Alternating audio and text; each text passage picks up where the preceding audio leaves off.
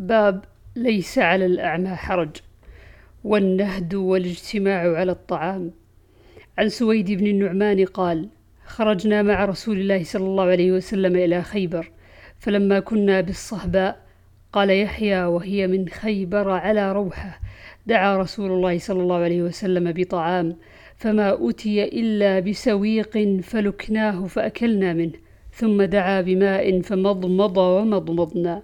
فصلى بنا المغرب ولم يتوضأ. باب الخبز المرقق والأكل على الخوان والسفرة. عن قتادة قال كنا عند أنس وعنده خباز له فقال ما أكل النبي صلى الله عليه وسلم خبزا مرققا ولا شاة مسموطة حتى لقي الله عن أنس رضي الله عنه قال ما علمت النبي صلى الله عليه وسلم أكل على سكرجة قط ولا خبز له مرقق قط ولا أكل على خوان قط. قيل لقتادة فعلام ما كانوا يأكلون. قال على السفر. عن أنس قال قام النبي صلى الله عليه وسلم يبني بصفية فدعوت المسلمين إلى وليمته. أمر بالأنطاع فبسطت فألقي عليها التمر والأقط والسمن. وقال عمرو عن أنس بنى بها النبي صلى الله عليه وسلم ثم صنع حيسا في نطع عن هشام عن أبيه وعن وهب بن كيسان قال كان أهل الشام يعيرون ابن الزبير يقولون يا ابن ذات النطاقين فقالت له أسماء يا بني إنهم يعيرونك بالنطاقين. هل تدري ما كان النطاقين؟ إنما كان نطاقي شققته نصفين. فأوكيت قربة رسول الله صلى الله عليه وسلم بأحدهما وجعلت في سفرته آخر. قال فكان أهل الشام إذا عيروه بالنطاقين يقول إيها والإله تلك شكاة ظاهر عنك عارها. عن ابن عباس أن أم حفيد بنت الحارث بن حزن خالة ابن عباس أهدت إلى النبي صلى الله عليه وسلم سمنا وأقطا وأضبا فدعا بهن فأكلن على مائدته وتركهن النبي صلى الله عليه وسلم كالمتقذر لهن ولو كن حراما ما أكلن على مائدة النبي صلى الله عليه وسلم ولا أمر بأكلهن. باب السويق عن سويد بن النعمان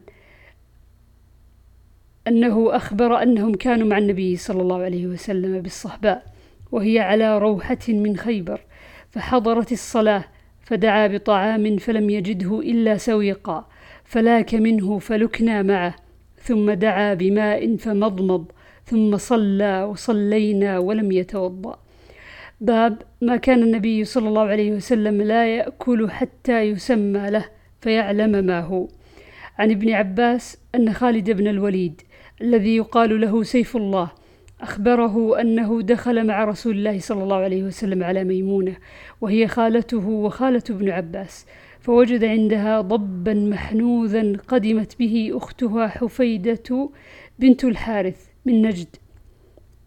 فقدمت الضب لرسول الله صلى الله عليه وسلم وكان وكان ما وكان قلما يقدم يده لطعام حتى يحدث به ويسمى له. فأهوى رسول الله صلى الله عليه وسلم يده إلى الضب فقالت امرأة من النسوة الحضور أخبرنا رسول الله صلى الله عليه وسلم ما قدمتن له هو الضب يا رسول الله.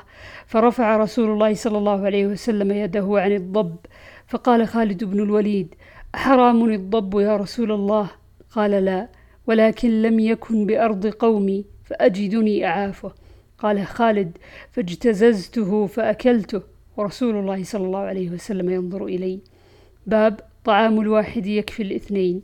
عن أبي هريرة رضي الله عنه أنه قال قال رسول الله صلى الله عليه وسلم طعام الاثنين كافي الثلاثة وطعام الثلاثة كافي الأربعة. باب المؤمن يأكل في معي واحد. فيه أبي هريرة عن النبي صلى الله عليه وسلم. عن نافع قال كان ابن عمر لا يأكل حتى يؤتى بمسكين يأكل معه فأدخلت رجلا يأكل معه فأكل كثيرا فقال يا نافع لا تدخل هذا علي. سمعت النبي صلى الله عليه وسلم يقول المؤمن يأكل في معا واحد والكافر يأكل في سبعة أمعاء. باب المؤمن يأكل في معن واحد.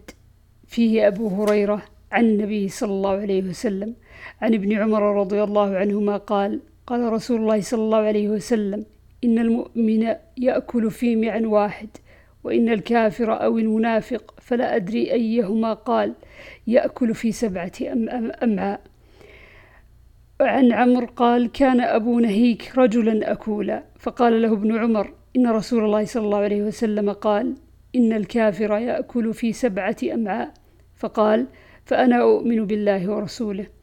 عن أبي هريرة رضي الله عنه قال قال رسول الله صلى الله عليه وسلم يأكل المسلم في معن واحد والكافر يأكل في سبعة أمعاء. وعنه أن رجلا كان يأكل أكلا كثيرا فأسلم فكان يأكل أكلا قليلا. فذكر ذلك للنبي صلى الله عليه وسلم فقال إن المؤمن يأكل في معن واحد والكافر يأكل في سبعة أمعاء.